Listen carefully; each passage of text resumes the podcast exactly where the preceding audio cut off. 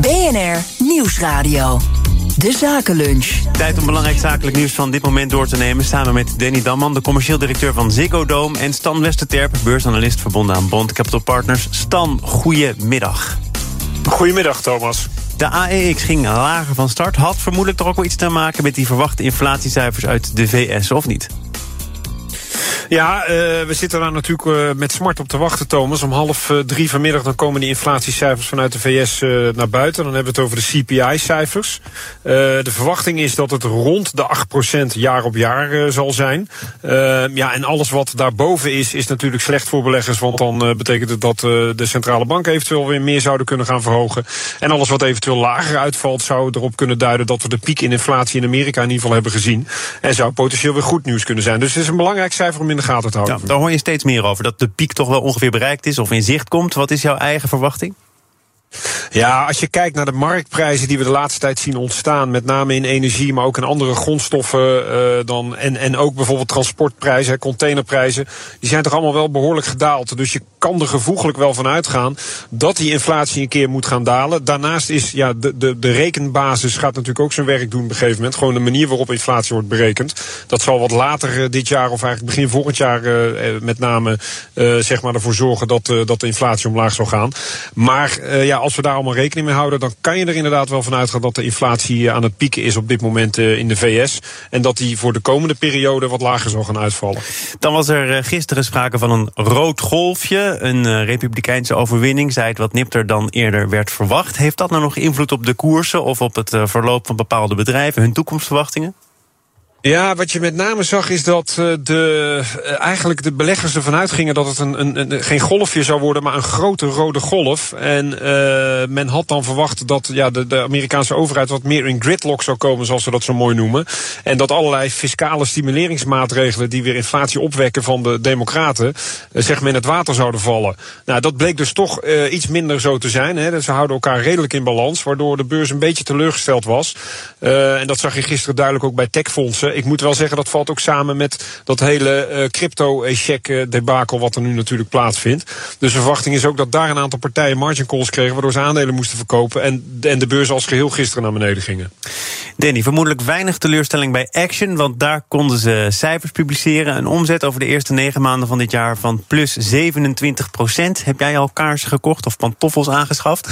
Nee, ik heb dat zelf niet, uh, niet gedaan. Maar ik moest van week moest ik echt iets even hebben. Dat was voor zo'n Tals pyjama party. Ik denk, dat is de enige winkel die ik nog kon bedenken. Voor de rest was in heel Nederland waren de pyjama's uitverkocht.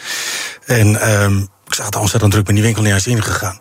Maar als je dat dan leest, dat artikel over de Action... wat de artikelen zijn die het best verkocht zijn... ook heel makkelijk te verklaren. Hoef je geen hogere wiskunde voor gestudeerd hebben. Kijk naar bijvoorbeeld, uh, wat heb ik staan, elektrische kaarsen. Sorry, elektrische kachels, kaarsen, pantoffels, uh, dekens.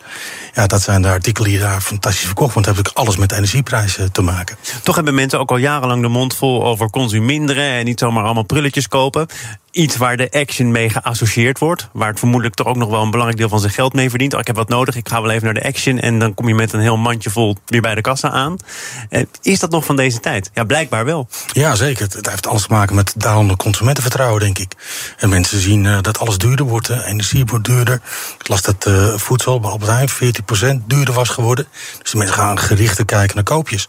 En dan krijg je dat soort winkels als de Action natuurlijk de winkel zijn waar die mensen dan gaan winkelen. We gaan naar een hele andere wereld. De wereld van SBM Offshore, de maritieme dienstverlener, genoteerd aan de midcap.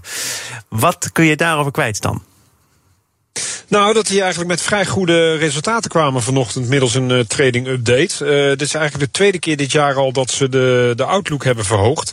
Uh, het gaat er toch wat beter dan men aan het begin van het jaar had verwacht. En dat, dat levert dus solide resultaten op, al dus de CEO. En ook robuuste marges, met name bij de turnkey divisie. Dat zijn dan die, die floating production and storage facilities, die FPSO's zoals ze ook wel worden genoemd. En je ziet dus dat dit een sector is die eigenlijk wel profiteert van, van, van hogere energieprijzen. Uh, en dus ook het aandeel uh, gaat uiteraard uh, daarmee wat omhoog vandaag. het is anderhalf procent, het is bescheiden, omdat veel zat al in de verwachting ingebakken. Maar ja, crescendo cijfers van een, van een sector die het traditioneel de laatste jaren wel wat moeilijker juist heeft gehad. En hoe afhankelijk zijn ze van die energieprijzen? Want die zijn er, hè? ondernemingen die met een koordje vastzitten aan de olieprijs of de gasprijs. Dat heeft ook iets kwetsbaars.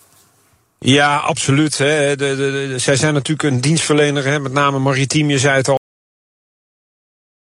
Uh, dus zij zijn erg afhankelijk van hoe die energieprijzen zich ontwikkelen.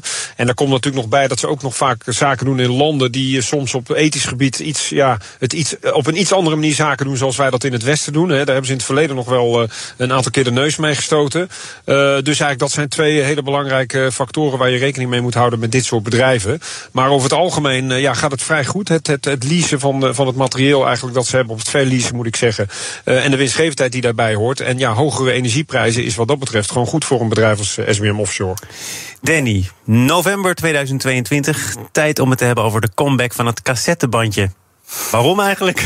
ja, eigenlijk wat luchtig nieuws naar al die, die verhalen hiervoor.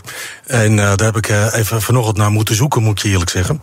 Maar als je kijkt, uh, Taylor Swift, die gaat nu ook haar muziek, haar ze hebben een, album uitgebracht, alle nummers in Amerika in de top 10. Hè, ja, 10 allemaal in de top 10. bijzonder. En je brengt de muziek ook op een, op een cassettebandje uit. En dat komt met name door de revival, door de opleving weer van de jaren 80, uh, is mijn mening. Je ziet ook dat mensen weer met vinylplaten thuis zitten. Maar daar begrijp ik nog wat van, omdat ik er zelf ook zo eentje ben. Dat heeft een bepaalde sfeer en beleving en een mooie hoes. Daar kun je een kunstwerkje van maken. Maar een cassettebandje, wat, wat zou nou de motivatie zijn om daar weer voor te kiezen? Nou, het is, het is gewoon cult natuurlijk. Uh, het is misschien een korte opleving en dat zullen daar niet hele grote aantallen zijn die verkocht worden.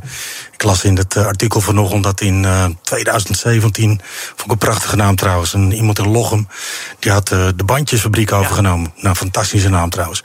En die, die doet er 35.000 per jaar en die gokt op 70.000 per jaar. Dus echt rijk zul je niet worden ervan. Het zijn gimmicks, het, zijn, ja, het, het is gewoon een extraatje. Maar ander tijd, weet je, het, mensen zoeken naar het goede gevoel op dit moment. En uh, die zoeken weer naar het uh, moment dat het bandje weer helemaal in de war gaat. En dan met die potlood en met die pen dat we helemaal oprollen. Kunnen we dat nog? Ja hoor, we kunnen het nog. Stan, heb jij tot slot en uh, liefst kort een vraag voor Danny? Ja, ik vroeg me eigenlijk af hoe de kwaliteit tegenwoordig van de artiest is van de Ziggo Dome nadat de corona is geweest. Of jullie echt zien dat er alweer een enorme toeloop is. En ook zeg maar de echte A-sterren, of die graag de Ziggo Dome uitkiezen om daar hun optredens te geven. Nou, we zitten nu in 2022, waarbij we natuurlijk heel veel concerten moeten inhalen van de twee jaar ervoor. Uh, we komen dit jaar op 140 concerten uit, dat we normaal 105 ongeveer uh, doen per jaar. En je ziet dat uh, ook heel veel nieuwe aanwas van concerten. recentelijk Sam Smith aangekondigd. En ja, die kwaliteit, als je dat bedoelt qua performance, ja, dat is nog altijd A-status. En zoeken nog steeds inderdaad de Ziggo op als het gaat om het vinden van een locatie voor hun concert. Stan Westerterp, wanneer was je er zelf voor het laatst? Uh, oeh, halfjaartje geleden, denk ik. Voor? Oh, dat weet ik ook niet eens. Ah, kom op, hé. Beetje je best doen. Denk nou, ik zou, ik zou heel graag naar de, ik zou heel graag naar de Chainsmokers gaan in ieder geval. Die komen volgens mij binnenkort. We hebben een dag uh, te laat. Dat lijkt me fantastisch. Die zijn gisteren oh, geweest. Ja. Ach, god. heb jij, nou, heb jij volgend jaar. Stan Westerterp van Bond Capital Partners. Uh, de agenda voor volgende week is dat je hier gewoon weer bent op donderdag. Tot ja. dan.